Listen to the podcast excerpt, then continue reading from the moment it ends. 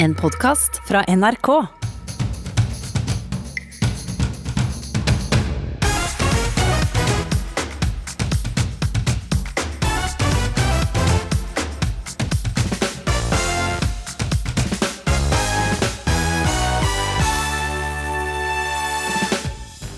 Denne uken ble de mest inngripende tiltakene Norge har gjort i fredstid, iverksatt.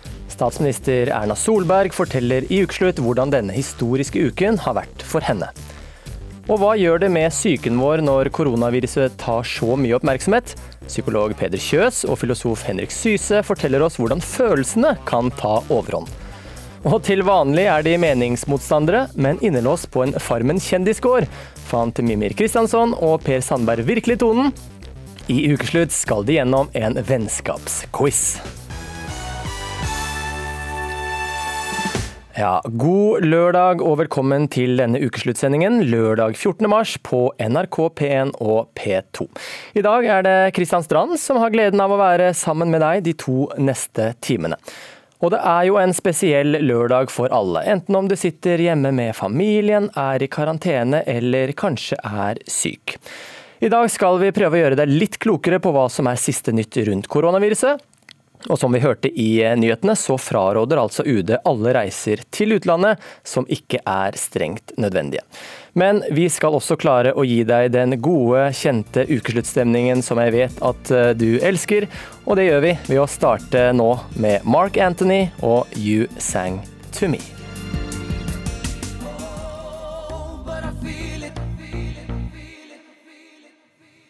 Ja, Tidligere i dag så kunne vi høre at eh, UD fraråder reiser til alle land, og at Russland nå stenger grensa til Norge.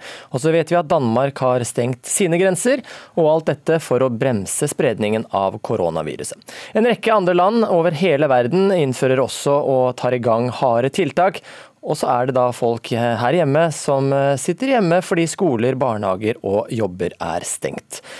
På Gardermoen der har vi med oss NRK-reporter Kristoffer Sandøy. Hvordan merker du nå at UD fraråder å reise til eh, andre land? Det merkes nok litt på trafikktallet her. Jeg snakket med flyplasssjefen for ikke så lenge siden og sa at det har vært ganske dramatiske fall i eh, passasjertrafikken. Ned 55% i går, mens antallet fly var ned 10% og som sier at Det er jo ganske dramatiske tall. Likevel så er det ganske godt med mennesker her nå. Jeg er akkurat nå i ankomsthallen, eh, hvor da Heimevernet er til stede nå. De har satt opp sperringer, og alle som kommer til ankomsthallen må gjennom disse slusene husene. Eh, så det er jo litt spesielt her, og man kjenner at det ikke er helt normalt. Hva skjer i slusene?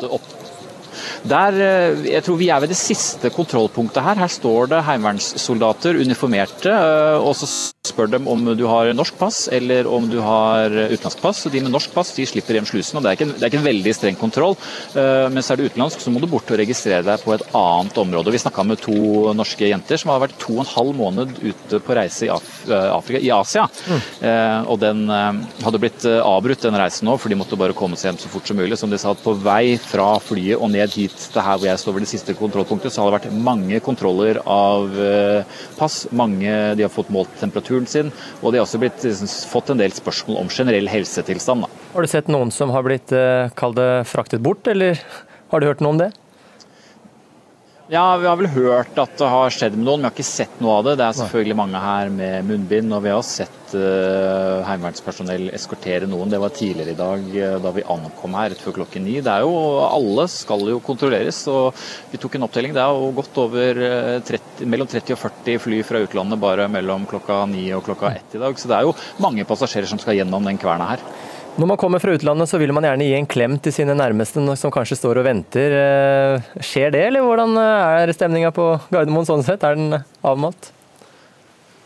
Ja, Avmålt tror jeg er riktig å si. Jeg tror det er veldig bevissthet rundt det her overalt. De to jentene som jeg intervjua, de sto ganske tett. Men som sagt, vi har jo vært oppå hverandre nå i to og en halv måned. Men, men, vi, både jeg og fotografen, holdt, måtte jo holde lang avstand, for man kan jo ikke være sikker. Og akkurat nå så passerer det folk her med munnbind. og Det er, det er veldig bevissthet rundt dette nå. Og, og det, hvis du kanskje glemmer deg litt, så får du en påminner når du da ser sperringer og soldater på en norsk flyplass. Hvor lang mikrofon har du med deg, Kristoffer? Siden du må stå unna, mener jeg? Vi har med Jeg er, heldig, jeg er høy, så jeg har lange armer, så jeg klarer meg akkurat med den vanlige mikrofonen vi bruker. Men vi har også med en bom vi, som er på fire-fem meter hvis det skulle bli nødvendig. Men vi har klart oss uten å bruke den foreløpig, for det, blir så rart, tenker jeg. Ja, det høres eh, smart ut. Takk for at du rapporterte fra Gardermoen, Kristoffer Sandøy fra NRK. Overlege Preben Aavitsland i Folkehelseinstituttet, du er også med oss. Nå hører vi at eh, UD fraråder reiser til andre land, grenser som stenges. I nyhetene hørte vi at du mener at kanskje ikke dette er det beste tiltaket. Hvorfor ikke det? Nei, Det å stenge grensene utenfra eh, er nok ikke så effektivt. Det blir som å, stenge låvedøra etter at eh, hesten har løpt. Dette viruset er jo i landet nå.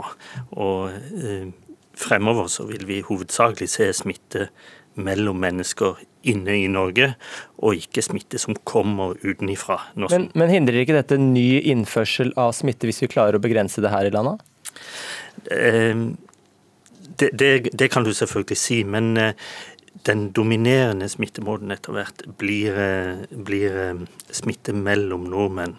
Så et, et, et og annet importtilfelle drukner egentlig i den mengden etter hvert. Så du tenker at dette er for overilt? Det, også, det, at andre land har stengt grensene fullstendig, eh, vil jo gjøre det vanskelig for de landene å, å motta forsyninger, f.eks. For mm. Vi, eh, vi, er jo, vi, er jo, alle interessert i å høre hva er siste nytt om eh, smitte og koronaviruset her hjemme. da. Hva kan du si om det, Preben Aavitsland eh, fra Folkehelseinstituttet? Ja, Den siste rapporten vår er at vi har påvist 907 tilfeller. Vi har testa over 15 000. Det er mer enn de fleste land i Europa. Mm. De fleste tilfellene nå som vi har oppdaga, er eh, norske alpeturister. Okay. De utgjør rundt 600.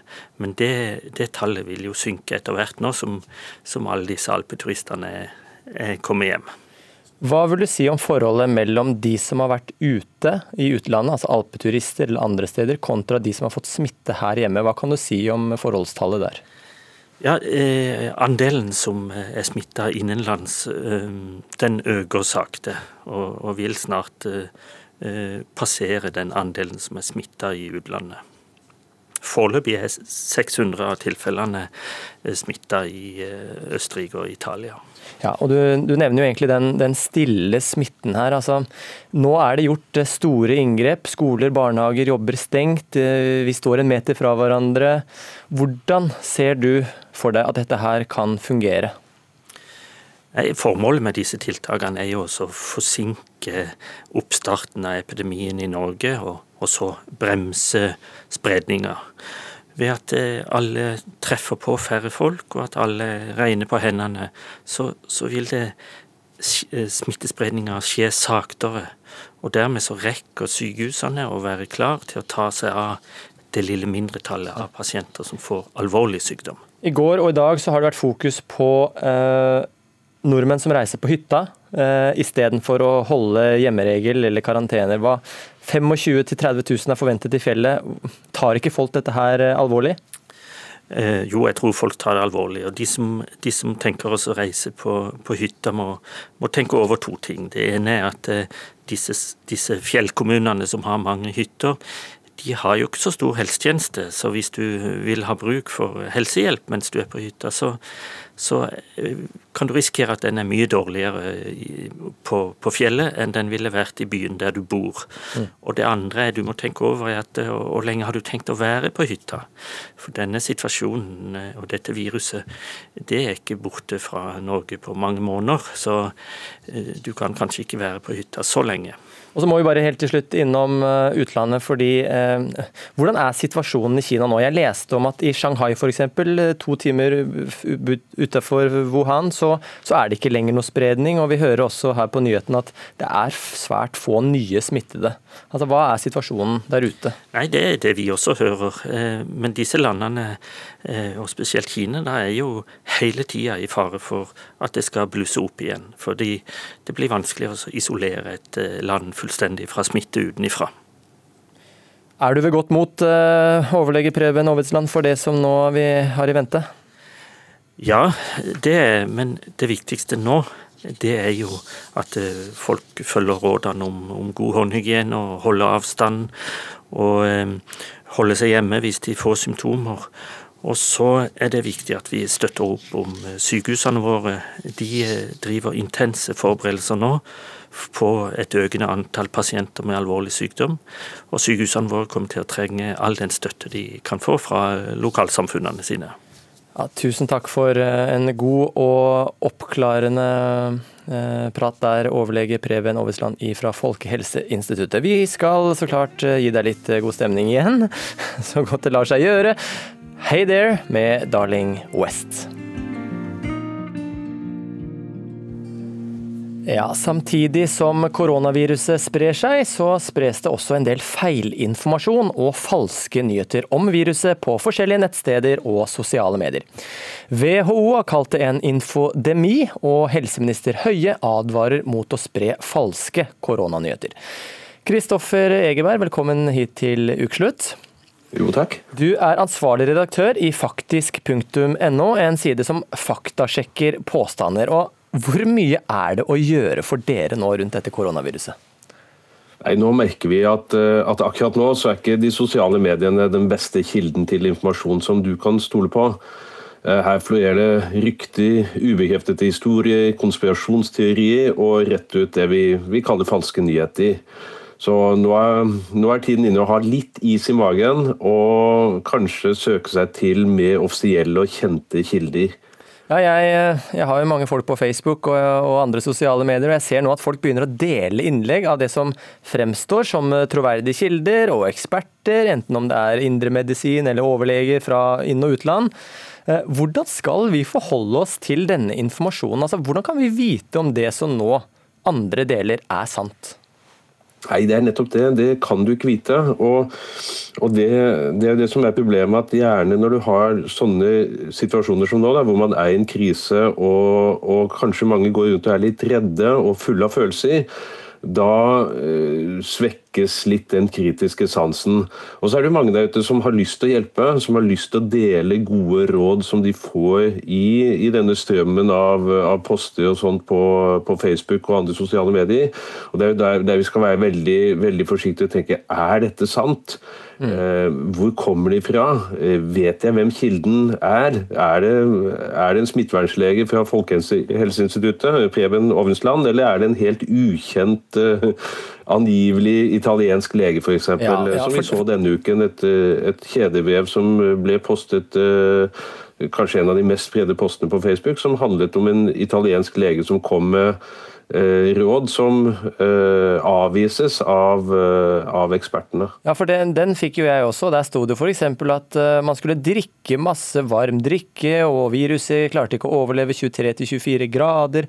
Og det var ikke måte på hva man, hva man, kunne her. Men vi har jo så lite kunnskap om dette. Altså, skjønner du på en måte at vi, at vi, at vi godtar all informasjon som er der ute?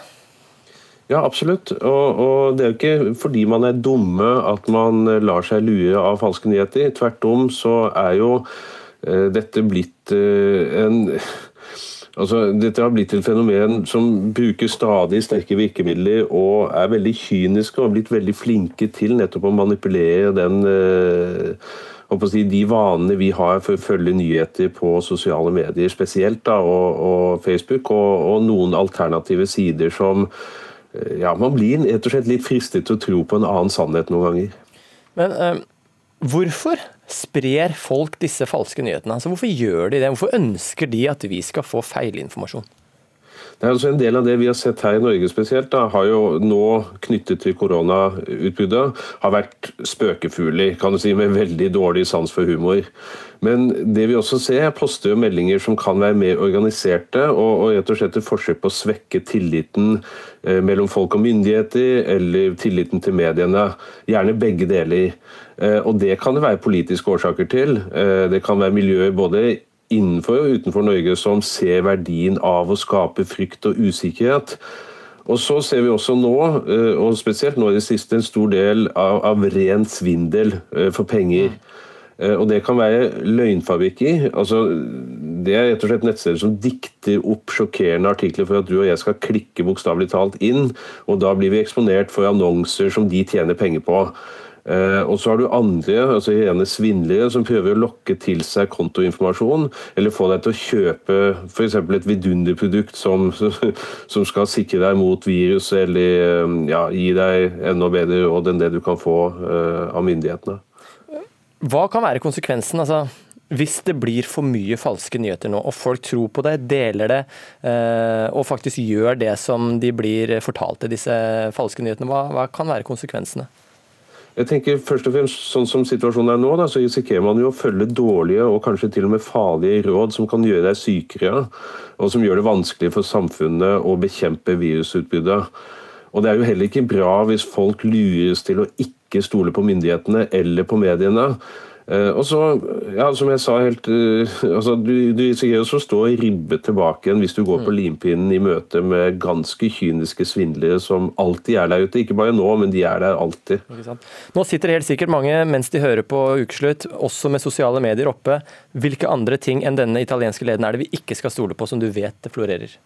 Ja, eh, Det vi har sett nå i det siste er en del sånne bilder av falske avisforsider. Det kan være VG eller Aftenposten eller til og med nrk.no. Gjerne liksom tatt bilde av eh, med en eller annen oppsiktsvekkende nyhet som du ikke har hørt eller ikke har sett. Eh, denne uken så var det det at russetiden er avblåst. Og Allerede tidlig i februar så kom nyheten om at de første koronasmittede i Norge var, var kommet, som, som, på det tidspunktet var helt feil. Ehm, vi har sånne kjedevev som den italienske legen som mange har fått i sin eh, feed. Eh, og så får du en del rene konspirasjonsteorier om at eh, dette viruset er menneskeskapt, og en del, kanskje del av en plan da, for enten utrydde befolkningen eller på, på, en eller annen måte at det kommer fra et militært laboratorium i USA eller andre sånne ting som gang på gang er avvist av ekspertene. Ja, og De man kan stole på, det er altså NRK, VG, Aftenposten, Dagsavisen. De store avisene i, i landet. ikke sant? Også Folkehelseinstituttet og helsenorge.no og sånne ting. Helt riktig. Jeg ville søkt meg til helsenorge.no og helsemyndighetenes sider eh, for sånn relevant informasjon. Og også veldig mange av kommunene uh, har nå satt opp god lokal informasjon om helsetilbudet i egen kommune knyttet til dette. Og så er det jo, som, som, du nevnte, både de store og lokale mediene. Men da er det også viktig at du leser litt mer enn bare overskriftene, og at du er klar over at størrelsen på overskriften ikke alltid gjenspeiler hvor alvorlig eller hvor viktig saken er. Ja, tusen takk Kristoffer Egeberg for at du oppklarer hva vi skal se etter når vi er på sosiale medier. Egeberg altså fra faktisk.no. Straks så skal du få høre om du kan lage antibac selv. Vi er full storforbruker og næringsminister Iselin Nybø for å høre hvordan den noe nevrotiske politikeren har det nå. Men først Leve nå og Trond Jensen. Det er på tide å leve noe, på tide å elske noe, synge, danse. Det er i hvert fall oppfordringen fra Trond Jensen. Den syns jeg alle vi skal ta med oss når vi nå er hjemme med familiene våre. De to siste ukene har også vært en svært tøff tid for de som har puttet sparepengene sine i fond. For eh, nå kan vi jo da se at verdien har ramlet på alle verdens børser 30-40% pga. koronaviruset og fall i oljeprisen. Hva skal man nå gjøre når man ser at pengene til barna, pensjonen eller drømmeferien den forsvinner? Velkommen til ukeslutt, forbrukerøkonom i DNB Silje Sandmæl. Hei. Du, nå må jeg, jeg må spørre deg et ordentlig råd, for nå begynner jeg å bli litt redd for at sparepenga til barna mine skal forsvinne, for jeg har plassert penga mine i fond, jeg altså. Hva gjør jeg? Ja. Nei, nå har jo du små eh, barn, Kristian, så, så, det er jo lenge til de pengene skal brukes. Og det er det man er nødt til å tenke på når man putter, eh, putter penger i aksjemarkedet, er jo at man har en langsiktig tidshorisont. Og det er jo nettopp fordi at man opplever fall, sånn som i finanskrisen og, og nå. Mm. Og det er ikke noe gøy å se at pengene går i minus, men det er eh, faktisk viktig å sitte rolig i båten, selv om det er skikkelig uvær akkurat nå. Men hvorfor er det det å sitte stille i båten? Jeg tenker sånn, ok, nå, eller i hvert fall her en dag, så tenkte jeg nå, nå orker jeg ikke mer. Nå må jeg bare komme meg ut, fordi ellers så raser det jo enda mer ned. Alle sier sitt stille i båten, men hvorfor det egentlig? Ja, det er jo, altså, det er jo selvfølgelig Man har ingen garanti på at det kan gå ytterligere ned, men det er jo akkurat det vi gjør feil. da, fordi at Når vi ser at aksjemarkedet går oppover, da begynner man å kjøpe aksjer.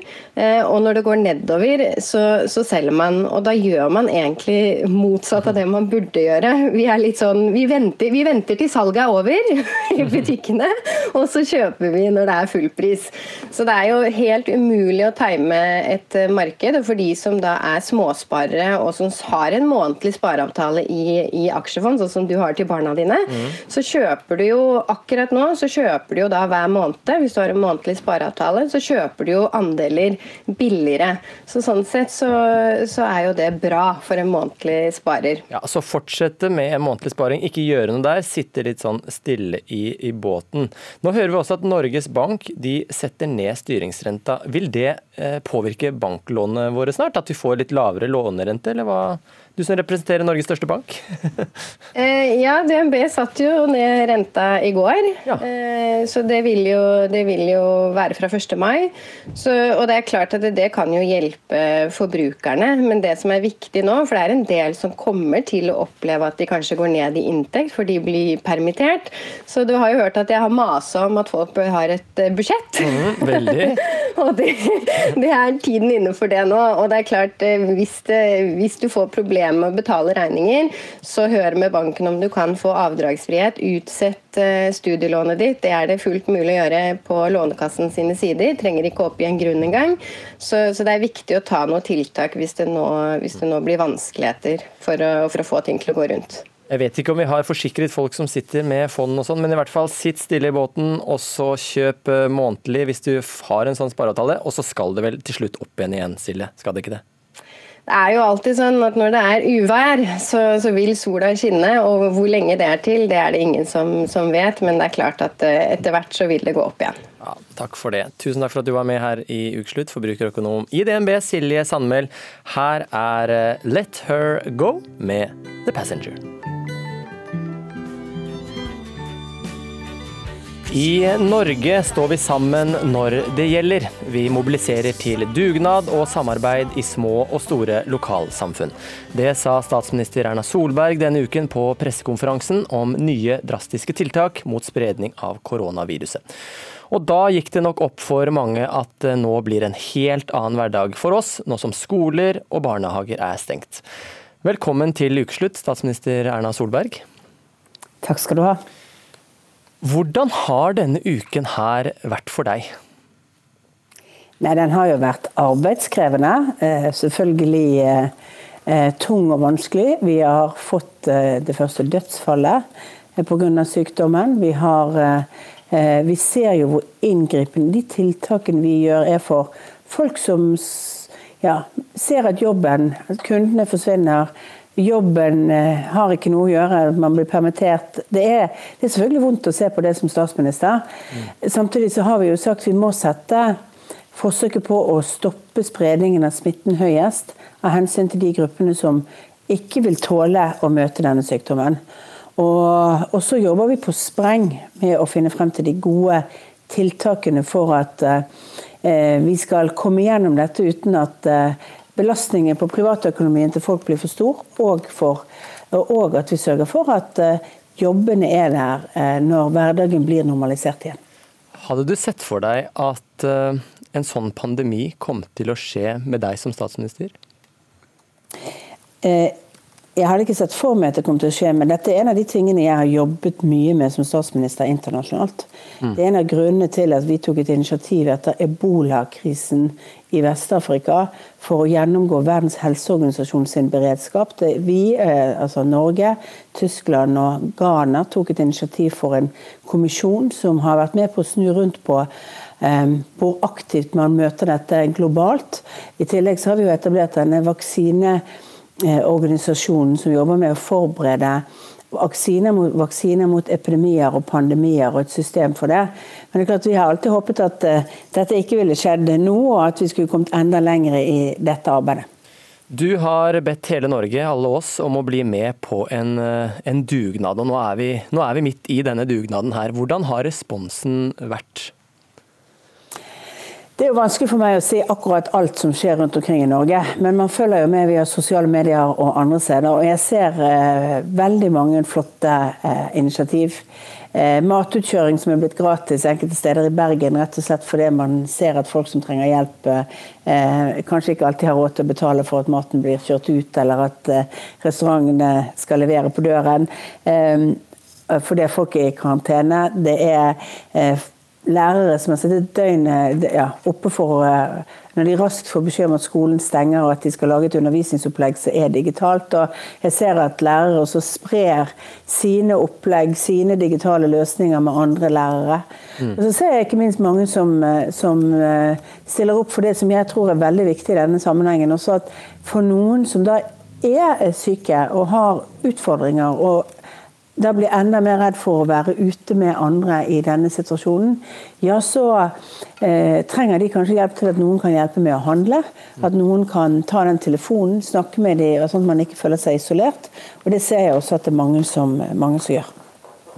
Vi har, med, vi har med en eh, på vi har med en her i ukesluttsendinga som nettopp har gjort noe som, som, du sier her, nemlig hjelpe andre folk.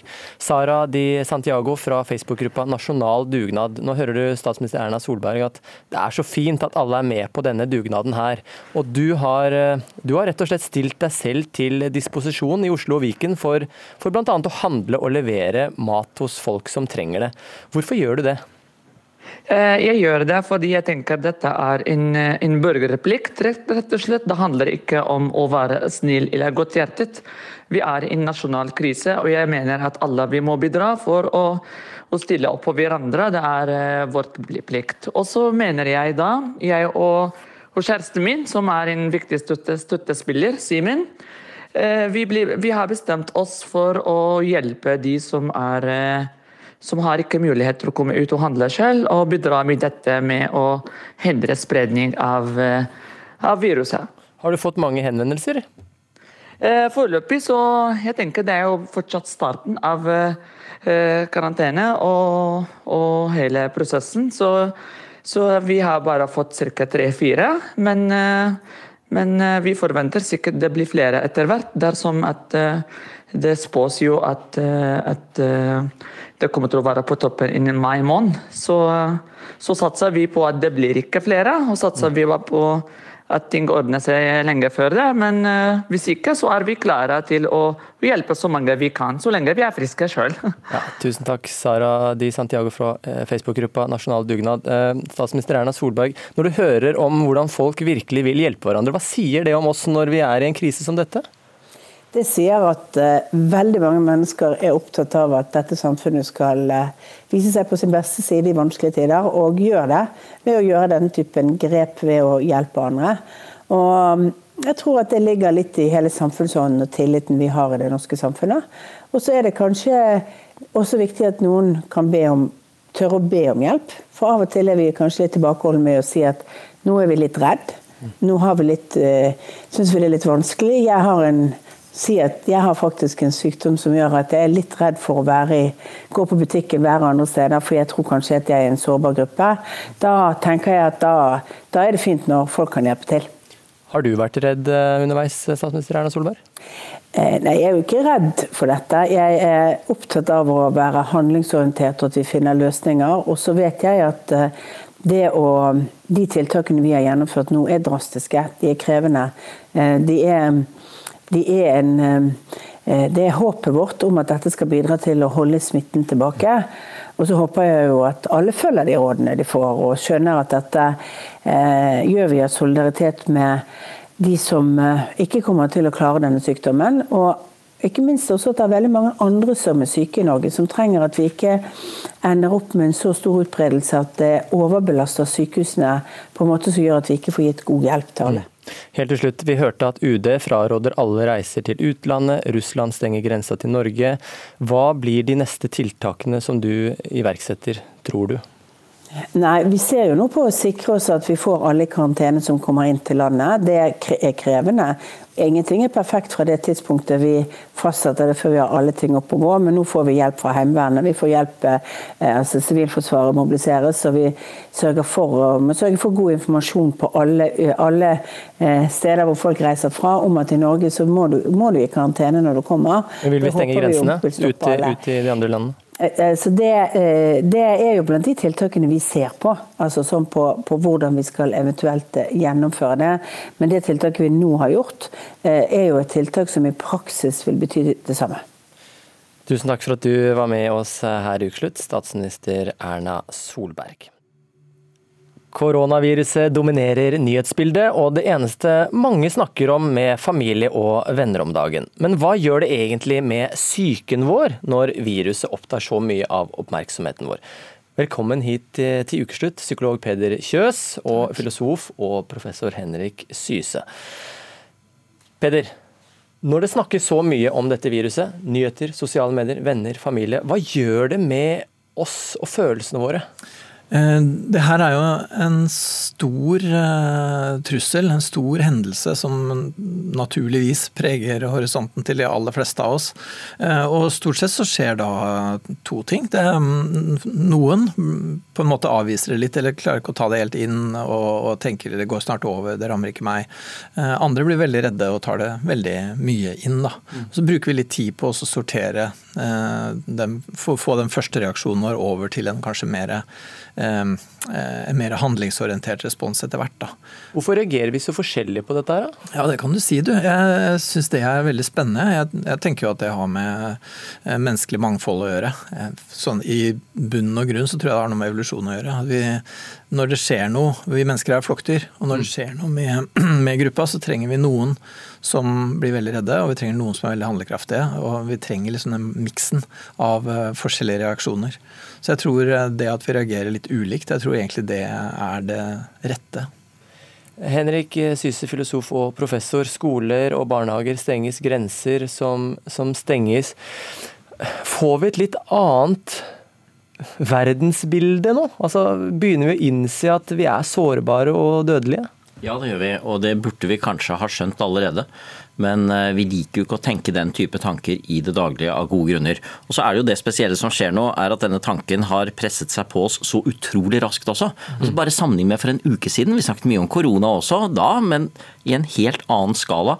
Så det kommer veldig raskt. Og vi mennesker trenger jo ofte litt tid på oss til å tilpasse oss ting. Det som likevel er noe positivt som vi skal holde fast ved, det er jo at alle de tingene vi gjør nå, de vil antagelig hjelpe. Mm. De vil antagelig ha en effekt. I mytologien snakker vi om Sisyfos. Det var han som rullet en stein opp på toppen av et fjell, og det var massevis av slit. Og når han var ferdig, så bare rullet den ned igjen og måtte bare gjøre det en gang til. Det hadde ingen hensikt, det var bare et slit. Men det vi gjør nå, det har en effekt og har som mål at vi Vi vet ikke om det er om noen uker eller om noen måneder så skal vi igjen kunne ta hverandre i hånden.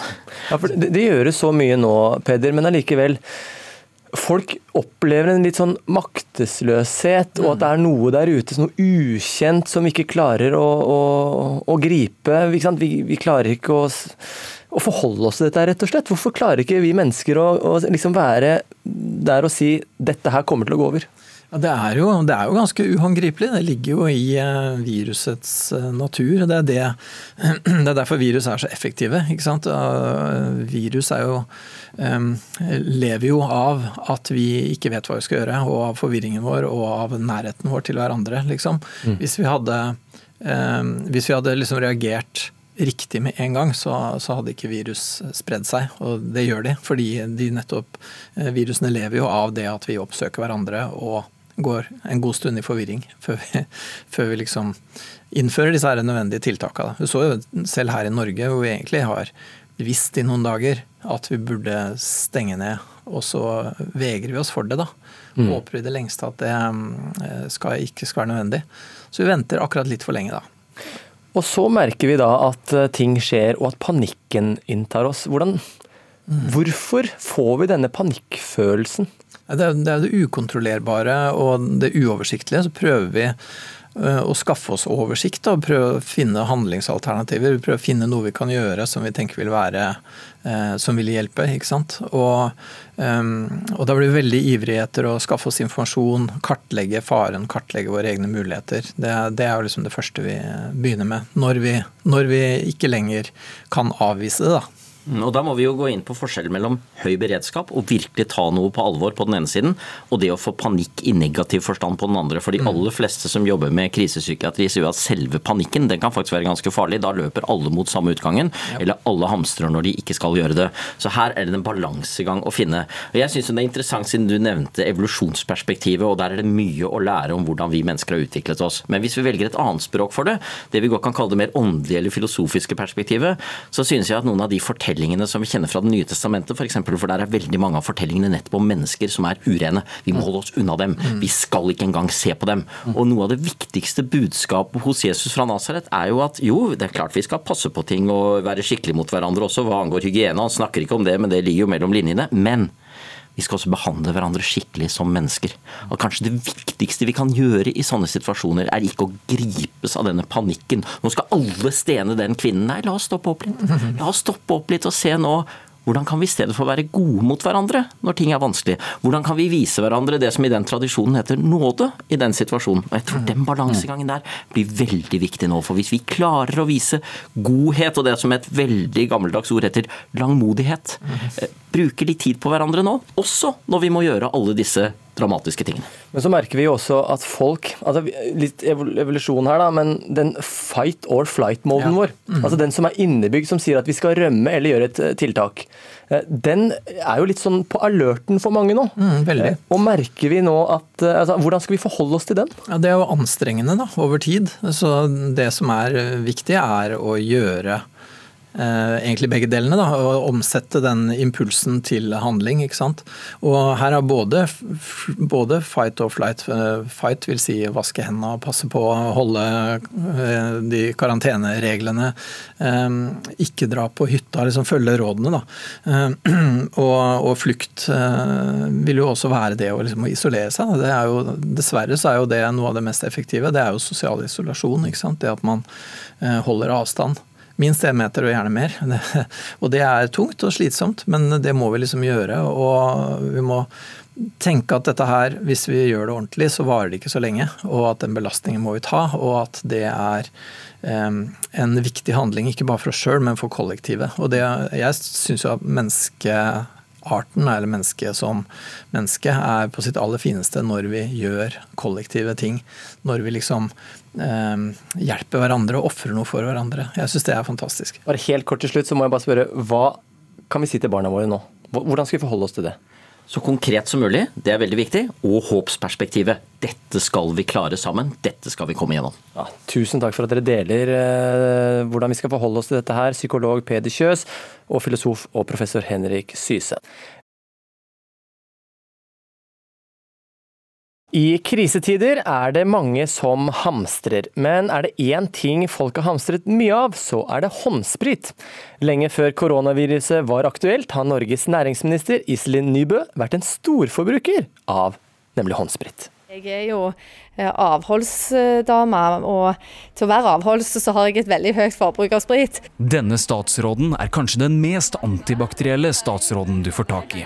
Næringsminister Iselin Nybø er storforbruker av håndsprit.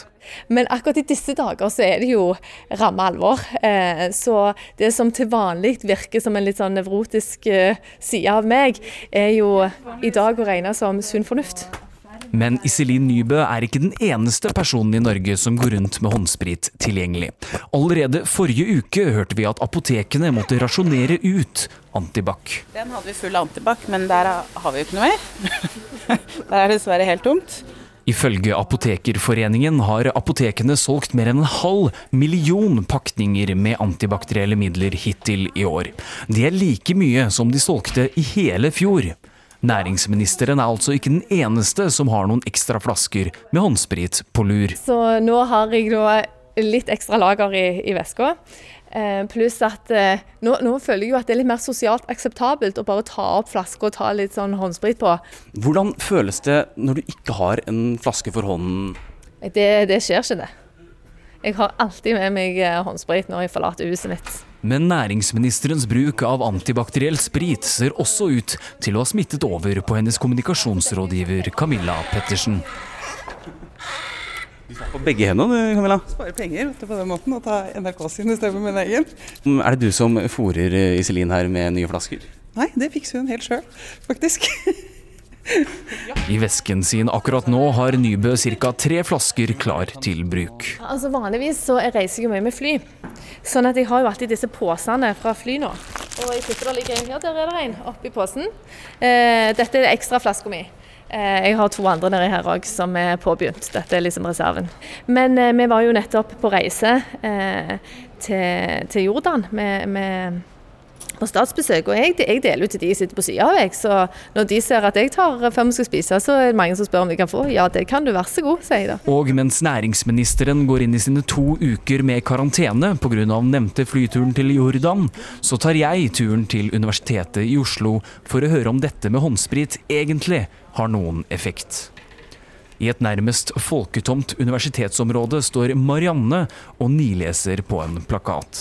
Ja, vi tenkte å gå inn nå, men uh, det er stengt, uh, tydeligvis. Vi hadde ikke hørt om det før, så jeg ble litt sjokkert nå, nettopp. Men det har ikke vært så dårlig stemning. Folk prøver å være rolig, men fremdeles beskytte seg selv, kanskje. Ja, så. Vasker hendene litt oftere og Ja, 100% Og så prøver å finne antibac så mye vi kan. Men mest vaske hender, i hvert fall. Ser det. Tidligere denne uken måtte markedsplassen finn.no stoppe salget av antibakterielle produkter. Der kunne en liten flaske koste hele 2500 kroner. Hva er egentlig greia med dette spritmiddelet? Det vet førsteamanuensis i kjemi, Alexander Sandtorv. Ja, så Håndsprit det er eh, kjemisk veldig enkelt. Det er sprit, som vi kjenner som alkohol. Eh, og så er det vann, som vi kjenner som vann. Og så er det litt glyserol eh, fordi at eh, det skal være fuktighetsskapende når du får det på hendene. For sprit i seg sjøl er ganske dehydrerende. Sandtorv forsker bl.a. på virus og mikroorganismer, og har en doktorgrad i kjemi. Kjemi har jo alltid løsningen på alt, så du kan i teorien lage din egen håndsprit sjøl. Det som viser seg, det er at det er veldig vanskelig å få tak i ingrediensene. Men er du kjemiker ved universitetet, så kan ingrediensene være nærmere enn du tror. Eh, skal vi lage litt antibac, da? La oss lage litt antibac. Ja, Da trenger vi to ting. Den ene har jeg tatt med meg. Ja. Um, så når vi skal lage den antibacen på laben nå, så må vi ha målesylindere. Dvs. Si vi skal ikke bare se og liksom tro at det er en viss mengde. Så her borte så står det noen målesylindere. Så hvis vi skal nå lage en eh, typisk eh, håndsprit på 85% så trenger vi altså 85 ml av den og 15 ml av vann. Denne her er 99,9 Jeg har drukket litt mye kaffe. Så litt shaky, men det går bra. Da er vi på 80 snart. 84 Skal jeg bare bytte litt der. 85 milliliter med nesten ren sprit der. Så litt vann. Så nå skal vi ha 15, og så vi har Så. Nei, nå har vi laget en hånddesinfiserende middel. Ja. Um, dette er altså nå med riktig konsentrasjon, så. Så hvis denne skulle nå Dette er jo en sånn krise-hånddesinfeksjon. Vi burde hatt litt glyserol eller et oppi, for det blir litt tørt. Ja. Men det bør funke helt fint, så nå skal jeg prøve. Ja, det, altså? ja. ja, ja. Det går fint. Så nå tar du det i hendene? Ja. Sånn. Verre er det ikke. Men det gjelder å ta sine forholdsregler. Den litt kjedelige kombinasjonen av såpe og vann er minst like bra. Ofte bedre enn håndsprit. Så denne spriten er altså optimalisert for å ta flest mulig typer mikroorganismer. Så hvis du tar virusen og bakteriene og sporene, så skal den funke på mest mulig av de. Men det finnes veldig mange typer bakterier og veldig mange typer virus, så det er altså noen som ikke den håndspriten kan ta. Eh, men sånn som det er i dag, så tar den relativt mange av de mikroorganismene. Hvordan blir man da helt ren? Man vasker hendene. Sandtorv mener håndsprit raskt blir en falsk trygghet, for få ting fjerner like mange bakterier og virus som en vanlig håndvask med såpe. Eller hva, Iselin Nybø? Altså, Antibac er greit å ha i veska til når du ikke har vann og såpe tilgjengelig, for eh, jeg òg foretrekker jo en skikkelig god håndvask. Ja, Til eh, slutt hørte du altså næringsminister Iselin Nybø, som nå sitter i karantene etter turen til Jordan. Reporter var Philip Johannes Borg. Straks så skal dere få møte NRKs Ronny Brede Aase og stylist Erlend Elias, som begge sitter i karantene på hver sin side, og skal underholde oss med det gjennom podkast og på sosiale medier. Ja, det er eh, det er helt nye tilstander for det norske folk akkurat nå. Skoler og barnehager er stengt, de fleste blir bedt om å ha hjemmekontor hvis det lar seg gjøre, og mange er i karantene. Og det gjør jo at folk trenger litt underholdning, og kanskje finne sammen med andre som sitter i karantene. Og det er det noen som har tenkt på, nemlig komiker Trine Lise Olsen og stylist Erlend Elias. De skal lage sitt eget karantene-TV-show på sosiale medier. Og NRK-paret Ronny Brede Aase og Tuva Fellmann de skal lage karantene-podkast. Ronny Brede Aase, velkommen til Ukeslutt. Jo, takk takk. Halla, hallai. Hallai, hallai. Du sitter i karantene, men hvorfor gjør du det? Nei, altså Jeg har jo da eh, vært på utenlandsreise og kom hjem fra Filippinene, som jeg forresten nå ser eh, blir skjøtta helt ned i dag. Mm. Jeg eh, kom hjem forrige torsdag. Så jeg er i karantene til torsdag som kommer. Og så var det jo sånn at i går opp, da kom vi på en liten sånn idé om at fader, skulle vi lagd en, en podkast fra karantene, fordi min kjæreste Tuva Feilmann, hei Tuva. Hei, hei. I går på formiddagen var jo begge vi i karantene fordi Tuva bor med meg. Mm. Men så har jo da myndighetene gått tilbake på det, så du kan jo gå hvor du vil, mens jeg da er støkk i eget hus. Ja, ja fordi du, du, du, du, er, du er ferdig, du. Du kan bare gå rundt. Hvordan blir det da, altså når man skal lage denne podkasten her? Altså, det må jeg bare være ærlig på. Det føles litt rart å gå. Eh, fordi jeg føler at jeg er i litt sånn sympatikarantene. Jeg har ikke så lyst til å gå fra Ronny. Og så har jeg funnet ut at eh, det er jo ganske koselig også, akkurat nå. Eh, så er jo vi heldigvis friske begge to, så, så foreløpig så er jeg egentlig bare hjemme. Mm. Og så er det et eller annet med at det er et eller annet med, så blir man jo litt sånn bevisst på sånn Men la oss nå si at jeg må være i karantene. Vi er jo veldig tett på hverandre vil ikke også på en måte egentlig da Tuva være en risiko ute i samfunnet hvis hun går ut? Ja, altså, det, er litt sånn, det, er litt, det, er litt sånne ting òg, da. Ja, det, er mange, det er mange dilemmaer her. Ja, og det er jo heller ikke så mye å gjøre, fordi det aller meste i Oslo-området er jo stengt nå. Mm. Eh, så man kan jo gå ut og gå på tur og sånne ting, men å gå ut og ta en øl, det tror jeg er vrient, altså. Men du Ronny, du er jo veldig sånn sosial. Hvordan blir det for deg nå å ikke liksom kunne være det, da? Altså Det blir jo med altså, Tuva, så klart. Da det blir, det blir, veldig spennende, Kristian. fordi foreløpig er dette ei langhelg. ikke sant? Og ei langhelg kan en nyte hjemme. Eh, jeg, jeg, går jo i, jeg har jo ikke dusja siden jeg eh, kom i karantene. I alle dager, men, men, men foreløpig er det på en måte bare en oval weekend. Men det blir veldig spennende utover, fordi uh, det er et eller annet med at uh, det, det, det, kan bli litt sånn gå på veggen-stemning av å være i og rundt det samme huset hele tida. Nå har vi heldigvis relativt god plass, og, og vi har en liten hage, så jeg har vært liksom ute på trappa og, og tusla litt. Og så, og så, er det et eller annet med at jeg, jeg, kan vel, sånn som jeg forstår det, i karantene også gå ut og gå på tur hvis jeg vil, men må holde avstand. Så det er litt sånn der Vi skal nok få det til, men, men ja, jeg kjenner jo på at eh, at jeg er jo egentlig en veldig altså vi, har, vi, hadde jo egentlig planlagt masse denne helga her og neste helg. og Konserter, teaterforestillinger. Usedvanlig sosiale til oss å være, til og med. Ja. Men alt er avlyst. Så det, det er òg litt deilig, da, at når vi først er stuck i eget hus, så er det jo litt deilig at, uh, at man ikke får sånn foam og sånn fear of missing out, som det heter. At, mm. at, det er jo ingen andre som er ute og har det gøy heller. Nei, ingenting som skjer. Vi skal, ta inn, vi skal ha med to andre, nemlig komiker Trine Lise Olsen og stylist uh, Erlend Elias. For dere to, dere har rett og slett flytta inn i Erlend Elias sin leilighet og er i gang med prosjektet Karantene TV, som nå skal spre, ikke virus da, men glede på sosiale medier. Dere to sammen sammen der inne, 50 kvadrat, hvordan skal dette her gå an? ja. Hei, Kristian. Hallo. Ja, det, um, det spørs jo. Vi er jo er veldig sosiale, og så er jo veldig mye begge to. Nei. Det begynner der, ja. Nei, men det, det, må bare gå bra. Det er jo en sånn uh, unntakstilstand, så vi bare tenkte at liksom istedenfor at vi sitter i hver vår leilighet, så kan vi støtte oss på hverandre og være redde sammen og ta vare på hverandre, samtidig som vi prøver at andre også skal ja, kan ha, ha det litt gøy i den uh, tida som vi er i nå. Ja, for dere er det man kaller i frivillig karantene, ikke sånn som Ronny som har vært en tur i Filippinene. ikke sant, Erlend Elias? Dere, dette gjør dere frivillig?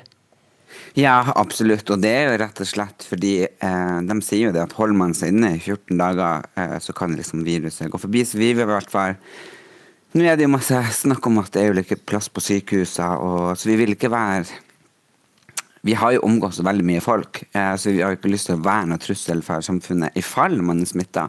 For man kan jo være smitta uten at man vet det. Så vi er i hvert fall, og jeg har jo masse eldre venner, eh, og jeg vil i hvert fall ikke smitte dem. Men hva er det Karanteve skal, skal spre på sosiale medier? Hva er det vi skal få lov til å være med på denne karantenetiden, dere to sammen? Alt. Utenom bad. Hva er det med ikke bading? Heller ikke Ronny skal drive og dusje. Nei, men han må dusje. Han bør være i karantene for seg sjøl hvis han ikke dusjer snart. Eller ja. tenk på stakkars Tuva, som er der frivillig. Men nå er det altså Det som vi skal gjøre på karantene, det er jo å rett og slett at folk rundt omkring For det er jo mange som bor alene, sånn som jeg og Trine Lise gjør, mm. og har runda eh, Netflix. Og da har noe annet å se på. Og så er det litt fint det der nå i den tida vi er i, som jeg tror alle er kjent på en slags frykt og litt redsel inni seg, fordi vi har jo aldri opplevd noe sånn her fredstid. Og, og, da at man kan føle at man ikke er alene, det er det viktigste vi prøver på. Og selvfølgelig at vi finner på litt gøye ting. Mm. Og, uh, Bjuder på. Ja. Og så har vi en uh, Facebook-profil uh, som vi har laga. Mm. Som heter Erlend Elias og Trine Lise. Så folk kan komme inn, og vi kan liksom lage et lite samfunn, sånn at vi kan være sammen, selv om man ikke fysisk sammen. Og da kan jeg si at Foreløpig så går det bra, men vi har bare vært sammen i 24 timer. Ja, det, det, det, blir mange, det, blir mange, timer sammen. Eh, Ronny Brede Aase og Tuva Fellmann. Dere, I stad hadde vi Peder Kjøs, eh, psykolog her, og Henrik Syse, filosof, som forteller hvordan, dette, altså, hvordan hele dette viruset påvirker oss psykisk. Dere virker jo dere er veldig godt imot, da, men merker dere, tar dere inn over dere hva, vi rett og slett, hva som skjer rett og slett rundt dere? Ja, altså jeg har tenkt ganske mye på det, og jeg prøver å si det høyt av og til også. at jeg tenker at vi opplever dette. Altså, mm. Dette er jo noe som vi aldri har opplevd, og det kan godt hende at vi aldri skal oppleve det igjen heller. Så det er noe med det å på en måte være til stede i øyeblikket. Og så føler jeg at vi kan jo være trygge og fine nå, men nå sitter jo vi to sammen. Det er ikke så lenge siden Ronny var bortreist, og da må jeg innrømme at da, jeg, da ble jeg ganske bekymra og ble faktisk litt redd. Mm. Og så er det et eller annet med det, tror jeg, Kristian, at um at Det er kanskje derfor vi tenkte at det var en god idé å lage den podkasten vår nå. fordi jeg tror jo at eh, Og jeg har òg hørt Peder Kjøs prate om at, eh, at, det er litt sånn skummelt. og det kan, det kan bli det kan jo bli veldig skummelt når man hele tida går inn på nrk.no og VG-nett liksom, og, og, og smittetallene øker, og det er veldig sånn dramatisk. Jeg tror det vi bidrar med, tenker jeg, er litt sånn akkurat samme som Trine Lise og Erne Elias. At vi bidrar med et litt mer sånn fellesskapsfølelse, og at man kan prøve å prate om det som kan være veldig skummelt og veldig eh, angstfylt. At vi prøver å ta det ned på et litt mer sånn hverdagslig nivå. Brekke det litt ned og prate om det på en mer hverdagslig måte. fordi jeg tror jo at det er et godt virkemiddel for at vi alle sammen i lag skal komme oss gjennom denne fasen og dette utrygge og skumle på en, mm. på en god måte. da. Helt til slutt, eh, Trine Lise Olsen og stylist Erlend Elias, som altså sitter i karantene og lager eh, karantene-TV. Dere kommer helt sikkert til å Karantene, unnskyld. Ja, dere kommer helt sikkert til å få så mye fra, på sosiale medier fra folk som er redde. Hvordan skal dere prøve i hvert fall å gi dem litt glede, da? Hva tenker du? Ja, jeg er jo veldig, veldig redd sjøl. Eh, jeg har jo gått på, Før jeg gikk i karantene, så gikk jeg på butikkene og bare ser liksom tomme butikkhyller og sånn. Det føltes virkelig som krigsstemning. Så jeg har jo hatt utrolig mye sånn redsel inni meg. Så det var jo litt godt å ta Og Trine Lise kom, så hun har litt mindre av det. Eh, folk reagerer jo på hver sin måte.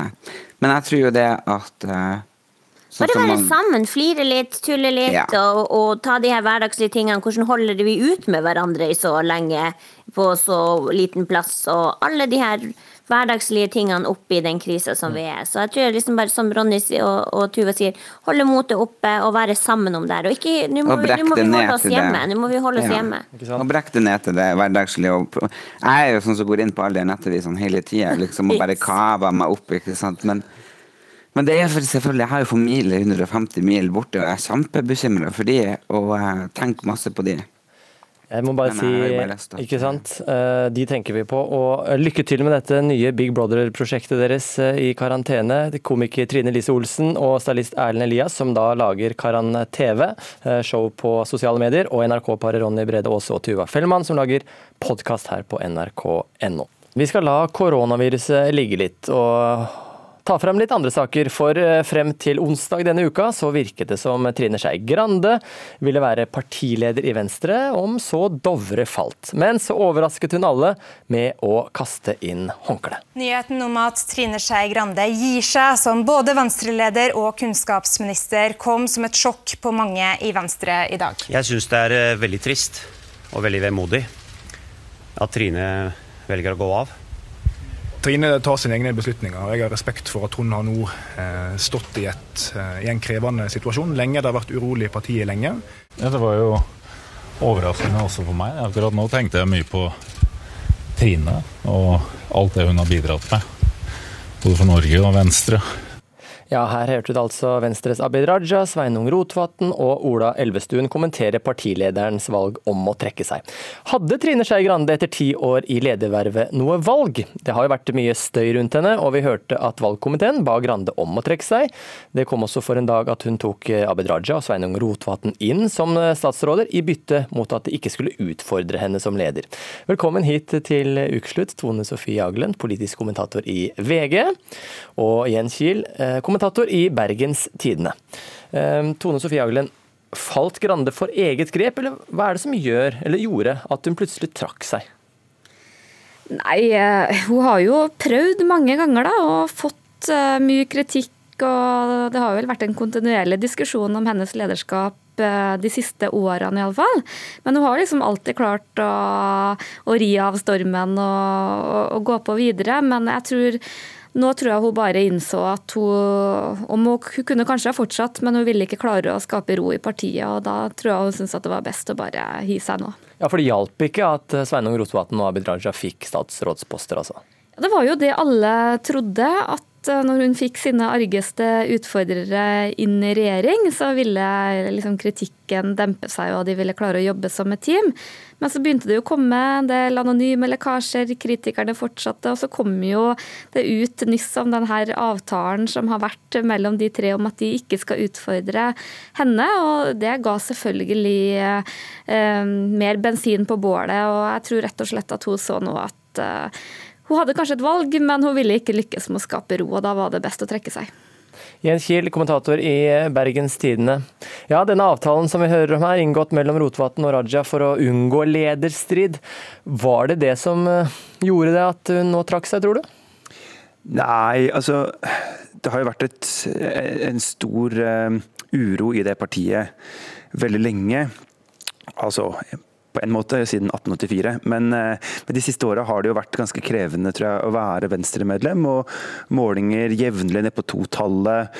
Eh, en stor splittelse knytta til om man skulle gå i regjering med Frp, hvor jo Grande, Raja og Rotevatn alle er helt enige, eller har vært enige om at man skulle gå dit. Så det, konfliktene går langs uh, mange akser. Og jeg tror egentlig at selve den avtalen egentlig dempa det. At det kunne hende at det hadde gått Altså, hadde man ikke inngått den avtalen, så kunne hun ha ramla ut allerede fra valgkomiteens første innstilling, da. Mm. Men hva slags politiker er det nå som forsvinner ut av uh, norsk politikk med Skei Grande? Det er en uh, politiker som altså, det er vel en, uh, Nå får Tone Sofie, min mednamdaling, hjelpe meg her, men det er vel en bok av Olav Duun som heter 'Mennesket og maktene'. Og det er litt sånn uh, Trine Skei Grande er veldig mye menneske.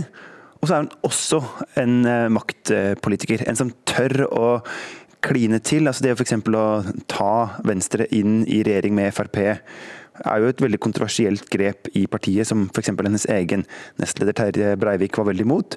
Og samtidig så tror jeg veldig mange Venstre-medlemmer og andre kjenner henne som et menneske som eh, byr på seg sjæl, som har gode og dårlige dager og ikke er redd for å vise det, som eh, jobber ekstremt hardt med det som for andre kan se ut som smale saker, men som hun brenner intenst for, mm. osv. En, en mennesketype som jeg egentlig syns at det er litt uh, for få av i politikken. da. Jeg synes hun, hun kommer til å miste noe når hun går ut av Stortinget neste høst. Ja, Tenker du også det, Tone Sofie Aglen, politisk kommentator i VG, at vi mister noe nå i norsk uh, politikk når Trine Skei Grande forlater? Ja, hun er en ganske unik politikertype.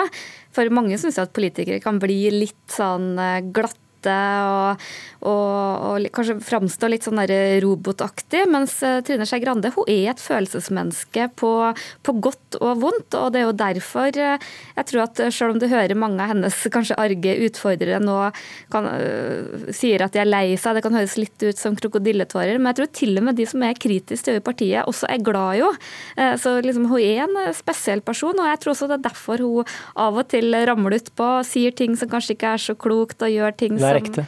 Ja, hun er ekte, men ikke spesielt strategisk. Nei, og Grandes personlighet den har jo også gitt henne litt problemer. Vi skal høre på dette her. Han er ute etter å ta meg, sa du? Jeg skal ikke gå i detalj på hva det var jeg sa. Han driver en kampanje mot meg og drar, drar partiet ned i gjørma. Hva kan du si om at du æreskjeller din egen nestleder til en politisk eh, konkurrent på telefon? Det var dumt. Det er jeg lei meg for. Ikke noe mer enn det? Jeg er lei meg for at jeg gjorde det, og jeg, det skal ikke være sånn at man blir så irritert i en sånn prosess. Hvorfor gjorde du det? Fordi at jeg var veldig sint på det tidspunktet, og så da koka det litt over. Jeg må bare starte med å si at Jeg er veldig glad for at uh, Trine har uh, beklaget. Vi har møttes i dag tidlig, vi har skværa opp. Ja, her hørte vi altså Abid Raja og Trine Skei Grande. Altså, ingen annen partileder er blitt konfrontert med så mye baksnakking, utskjelling, grenseoverskridende atferd. Hvor mye av disse sakene her har skadet eh, Trine Skei Grande som partileder? Nei, Det er ikke noe tvil om at uh, en del av de sakene som er hefta til henne som person, uh, av negative oppslag, av konflikter, den her feiden med Abid Raja med baksnakking for åpen scene, det er nok sånne ting som hefter med òg, og som jeg tror nok at det gjør det veldig vanskelig for henne liksom, å bygge opp den autoriteten hun har i partiet. Så jeg tror nok det her er litt sånn uttrykk for at uh, hun kanskje ikke har helt de der sperrene, eller er så, så glatt Eh, som mange politikere er. Eh, samtidig så er det jo også få som bare står der på åpen scene og sier liksom 'dette var dumt', mm. 'jeg var sint', 'det her skulle jeg ikke gjort'. Det er liksom sjelden. Det må jo være lov til å gjøre de tingene som politiker òg? Altså. Ja, jeg, jeg, tror mange kjenner seg veldig igjen i, i, det menneskelige. For alle kan jo skjønne at hun kan ha blitt irritert på Abid Raja. Det, det, er ikke vanskelig å, å, leve seg inn i. Eh, men samtidig så er det ting man ikke bør gjøre hvis man skal være toppolitiker og mm. klare å beholde den autoriteten. Jens Kiel, um nå er, altså, vi, vi, vet vel ikke hvor lenge hun vil sitte som eh, partileder, vet vi det? Nei, altså Nå er jo Venstre-landsmøtet, som skulle vært i slutten av april, avlyst. Mm. Eh, veldig kjipt for oss som hadde gleda oss til enda en sånn eh, innelåst eh, helg oppe på Gardermoen. Men eh, det kan jo da komme i f.eks. september eller noe. Men det, det, er jo heller ikke sånn at et, at et partilandsmøte plutselig bare kan organiseres på to ukers varsel. Det er jo et kjempearrangement. Eh, så eh, det er jo noe liksom plutselig, eller noe merkelig i dette med at hun går av som kunnskapsminister og varsler sin avgang, og så bare ramler alt i hop i Norge, da. Altså, du sa jo i introduksjonen her at, at man kunne tro hun skulle sitte til Dovre falt, men nå mm. har jo nesten Dovre falt i Norge. Ja, det er sant. Nå må vi sitte til koronaen faller. Ja, Men eh, hvem, hvem, tror, altså, helt, eh, helt slutt, hvem tror dere kommer til å ta over for Trine Skei Grande? Er det Sveinung Rotevatn, Abid Raja eller kanskje Guri Melby? eller? Ja, det er jo det med Venstre, da. At det endrer seg jo nesten fra time til time. Akkurat som eh, situasjonen i landet med korona. Jeg vil jo tro i dag at det kanskje er Sveinung Rotevatn som har et uh, favorittstempel, men sånn jeg kjenner Venstre, så kan det snu seg og endre seg mange ganger fram til de klarer å samles. Og du er enig i det, Kjell? Da får vel jeg si Raja, da. Så har vi liksom eh, vist akkurat hvordan det er å analysere Venstre. Litt ja. sånn i alle retninger. Ja, Kommentatorene er uenige. Det blir kamp om ledervervet. Takk for at dere var med, Tone Sofie Aglen, politisk kommentator i VG, og Jens Kiel, kommentator i Bergens Tidende. Ja, deres vennskap har blitt omtalt som det usannsynlige vennskap, og det vet dere kanskje dere som har sett på Farmen kjendis på TV 2. Velkommen Mimir Kristiansson, Rødt politiker i Stavanger, og Per Sandberg, kjent som tidligere toppolitiker i Fremskrittspartiet. Ja, De fleste hadde kanskje forventet at dere to skulle ryke i tottene på hverandre når dere sjekket inn på Farmen kjendis, men i stedet så har dere blitt veldig, veldig gode venner. Hvordan i all verden har du klart det, Per Sandberg? Ja, jeg, jeg har jo sagt mange ganger nå at jeg er jo redd for at dette, dette Farmen-deltakelsen min ødelegger imaget mitt eh, fullstendig. Eh, Men jeg tror eh, Mimir og jeg eh, gjør en, en eh, brukbar eh, karakter i forhold til det at eh, politikere er også eh, personer. Vi er glad i mennesker, eh, og Mimir og jeg tror jeg har noe til felles. Det er at vi greier å skille det som går på politikk og person. Eh, Og så er jo jeg særdeles glad da, i folk som skiller seg litt ut. Eh, Og det gjør i hvert fall Mimir til gangs. Ja, for Mimir, dere er jo rett og slett på hver deres planet politisk, men hvordan klarte du å, å omfavne FrPs Per Sandberg inne på en gård?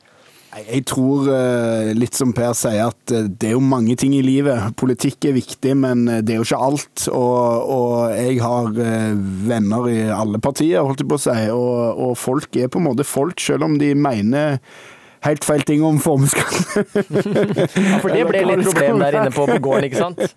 Men ja, problem og problem. Altså, du er jo der inne på en gård, og du skal bygge en brygge, og du skal prøve å bygge en røykeovn, selv om ikke det gikk så veldig bra. Da. Men hva nå enn det alt sammen er. Og da er jo spørsmålet hvem er det trivelig og koselig å, å gjøre det sammen med. og da syns jeg eh, Per Sandberg er en helt eh, tipp topp fyr, og så er det sikkert en haug med folk på venstresida som det ville vært dørgende kjedelig å bygge brygge sammen med, selv om vi er enige politisk. Hadde du forventa dette vennskapet her, Per? Ja, nei, altså forventa, forventa. Altså, jeg er jo litt uh, asosial, men, men, men jeg har jo hatt uh, favorittkommunister i Stavanger fra eh, tidligere. men, men, dette, handler jo om akkurat det som Mimir sier, altså, at du lærer litt av hverandre. ikke sant? Når vi holdt på med denne røykommen, altså, så var vi begge to like fortvilt. Men innimellom så kunne vi glede oss sammen også, når vi fikk litt røyk opp igjen dit vi faktisk ønska å ha den. Eh, og, og da vi holdt på med denne brygga, så, så viser jo det at, eh, at uansett politisk eh, tilhørighet, så greier man å dra lasset sammen, uansett hvor mørkt det ser ut. altså. Og jeg er helt enig med Mimir også. Jeg kunne ikke tenkt meg noen fra mitt, mitt, mitt parti, Fremskrittspartiet, sammen med meg og kunne jobba på samme måte inn på Farmen. altså. Nei, for der er kanskje litt mer eh, konflikt.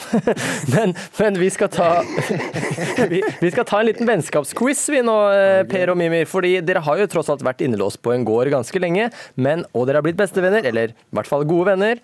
Eh, men hvor godt kjenner dere hverandre? Dere skal få totalt seks spørsmål, tre hver. Ok, Per, er du først klar eh, for å få spørsmål om Mimir? Er du klar? Ja. Ja, ja, ja, jeg er klar. Ok, Per. I, I hvilket parti startet Mimir sin politiske karriere? Eh, jeg er rimelig sikker på at Mimir var vel, om han ikke var leder, altså lokal leder i AUF eller noe sånt, så det måtte jo være Arbeiderpartiet, da. Ja, det var helt riktig! Ett poeng der til Per Sandberg. Eh, hva er Mimirs favorittfotballag? Norge, eller? Eh, ja, eller det er to, da. Ett i Norge og ett i utlandet. Ai, ai, ai, ai. Det må han jo ha sagt mens dere ligger i skje i den uh, Farmen-senga. Ja, nei, snak- vet du, egentlig så vi, vi laga jo en fotball på et eller annet tidspunkt, men jeg tror ikke vi diskuterte Et svar, Per. Et svar.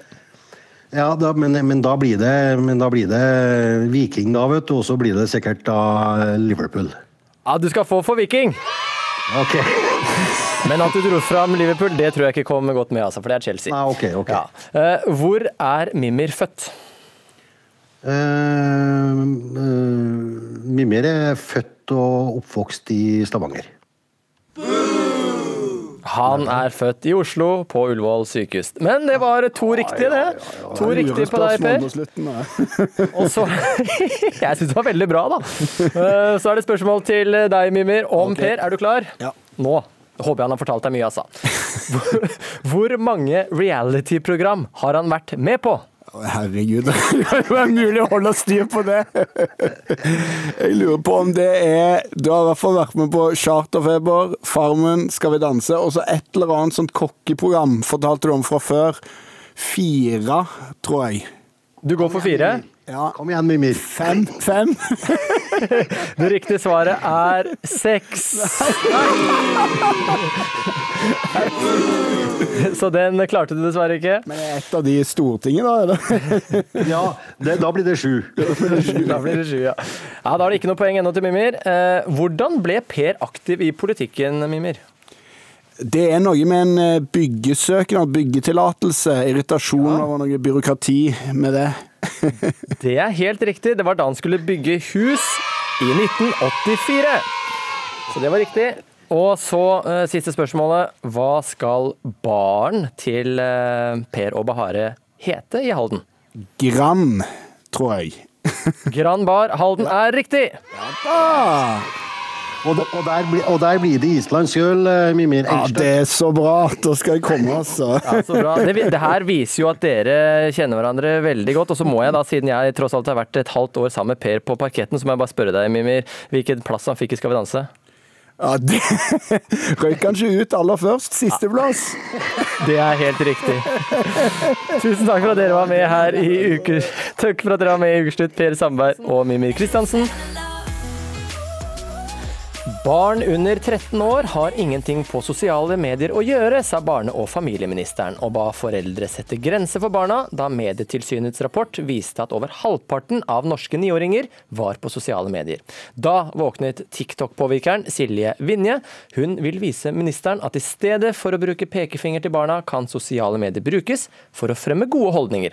Og det vil hun gjøre ved å få Ropstad med på dan å danse håndvaskdansen. Ok, vi klarer å ta den. Spørsmålet er om Ropstad klarer å lære seg dette på så kort tid, så det er mulig vi må ta den i sånn halvt tempo for å klare å dra han med. Silje Vinje og Sara Cecilie Leite øver en siste gang på den populære og aktuelle dansen fra videodelingstjenesten TikTok om hvordan man skal vaske hendene skikkelig. For den skal de straks utfordre barneministeren Kjell Ingolf Ropstad til å være med på. Kanskje han er en fantastisk danser. Det hadde vært veldig gøy hvis han ble, var mye bedre enn oss. Kunne den og bare eide hele greia. Ja, ja, vi får se. Vi får se. Det blir gøy. For da Ropstad i forrige uke sa at barn under 13 år ikke hadde noen ting på sosiale medier å gjøre, fikk Vinje et behov for å vise barneministeren at sosiale medier kan brukes positivt overfor barn, framfor å bruke pekefingeren. Da tenker jeg Som barneminister så er det en, veldig rar eh, måte å gå litt sånn baklengs inn i framtida på. Så jeg har lyst til å utfordre ham på hvordan kan du som barneminister ta større del og plass i barns digitale liv, og hvordan vil du ansvarliggjøre de etaten du har ansvar for. Det er jeg spent på å snakke med han om. Og til møtet har Vinje tatt med Sara Cecilie Leite av en helt spesiell grunn. Leite har nemlig nesten 400 000 følgere på videodelingstjenesten TikTok, et sosialt medium som 65% av norsk ungdom mellom 9 og 18 år bruker. Hei, Sara, hyggelig. Sara, ja. Og Silje. Silje. Hyggelig. Vet du hvem hun er? Nei, det gjør jeg ikke. Jeg må ærlig innrømme det. Hun her er nemlig en av de største påvirkerne vi har for barn på TikTok i Norge i dag. Så jeg tenker Som barneminister så er hun ei du bør være oppmerksom på. På samme måte som en idrettsminister bør kjenne til norske idrettsstjerner. Så visste ikke Ropstad hvem Sara Cecilie var, men kanskje han vil bli med på dansen? Så jeg har lyst til å utfordre deg. Blir du med å danse denne nye hand washing move-dansen? Veldig gjerne. Det høres spennende ut. Yay! Er du god til å danse? Nei. Vi prøver, vi tar en liten øvelse da, Ropstad. Ja. Ok, Vi starter liksom her. Drrr, sånn. Og så er det én, to, fire. Og så er det opp der. Og så er det sånn bort. Bare én? Uh, ja. Dette nå har jeg falt av for lenge siden. Det barneministeren synes ser litt vanskelig ut, er stort sett kjente bevegelser fra håndvask, som å gni håndflatene mot hverandre, flette fingrene i hverandre, eller vifte koronaviruset bort med hendene i været. Og alt samtidig som man beveger resten av kroppen til musikken.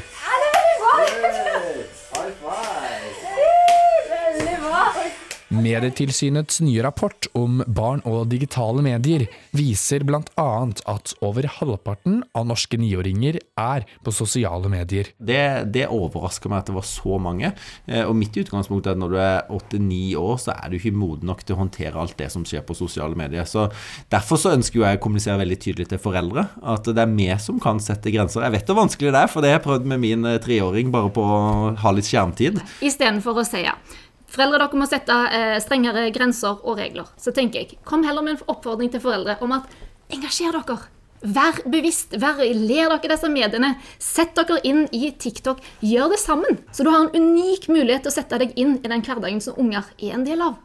Og den, det, jeg skulle ønske du hadde den approachen Ja, til men- men det er jo samtidig Det er jo en aldersgrense som er der. Eh, og den syns jeg er mye fornuftig i seg òg, da. Så, så er jeg klar over at virkeligheten er annerledes. Mm. Men, men derfor så mener jeg veldig defensivt å bare si eh, ja, det gjør ingenting at halvparten av niåringene har lært sånn. Jeg syns jo de bør vente lenger. Mm.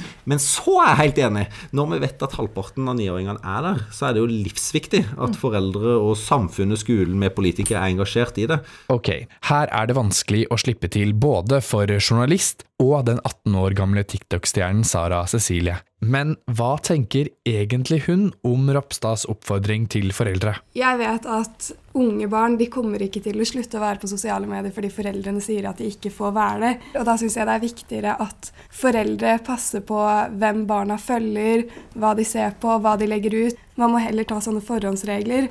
Og også som influenser, hvis du har en yngre følgegruppe, da, så må du være veldig obs på hva du legger ut. Frykter du en ny konkurrent eh, på TikTok med barneministeren? Ja, hvis han hadde vært med på TikTok, hadde det faktisk vært veldig gøy. Hadde ikke tenkt på det som en konkurranse. Ikke frekt ment, men sånn bare at det hadde vært morsomt, da. Ved å lære seg håndvaskdansen så endret kanskje ikke Ropstad helt mening om at foreldre skal sette grenser for barna, men han forstår nå at etatene han har ansvar for, bør være på plattformene som norske barn bruker. Kommer til å se en egen TikTok-kanal nå fra For å nå barn og unge, gi dem nettvett, snakke om òg krevende ting, så tror jeg det er en god oppfordring å bruke det. Så om ikke det er meg personlig, så tror jeg disse ulike etatene som jobber med barn, bør være til stede. Og hva gjør du da i morgen? Går du og snakker med etaten du har ansvar for? Jeg gjør det i dag. Yes! Det er Så bra! Nå, nå varmer du hjertet mitt. Ja, Ukesluttsreporter det var Petter Pettersen. Og hvis du vil se ministeren danse håndvaskdansen, så går du nå inn på NRK P1 sine Facebook-sider. Ansvarlig for denne ukesluttsendingen, det var Line Forsmo. Teknisk ansvarlig Hanne Lunås. Og i studio her, det er Christian Strand. Du har hørt en podkast fra NRK. Hør flere podkaster og din NRK-kanal i appen NRK Radio.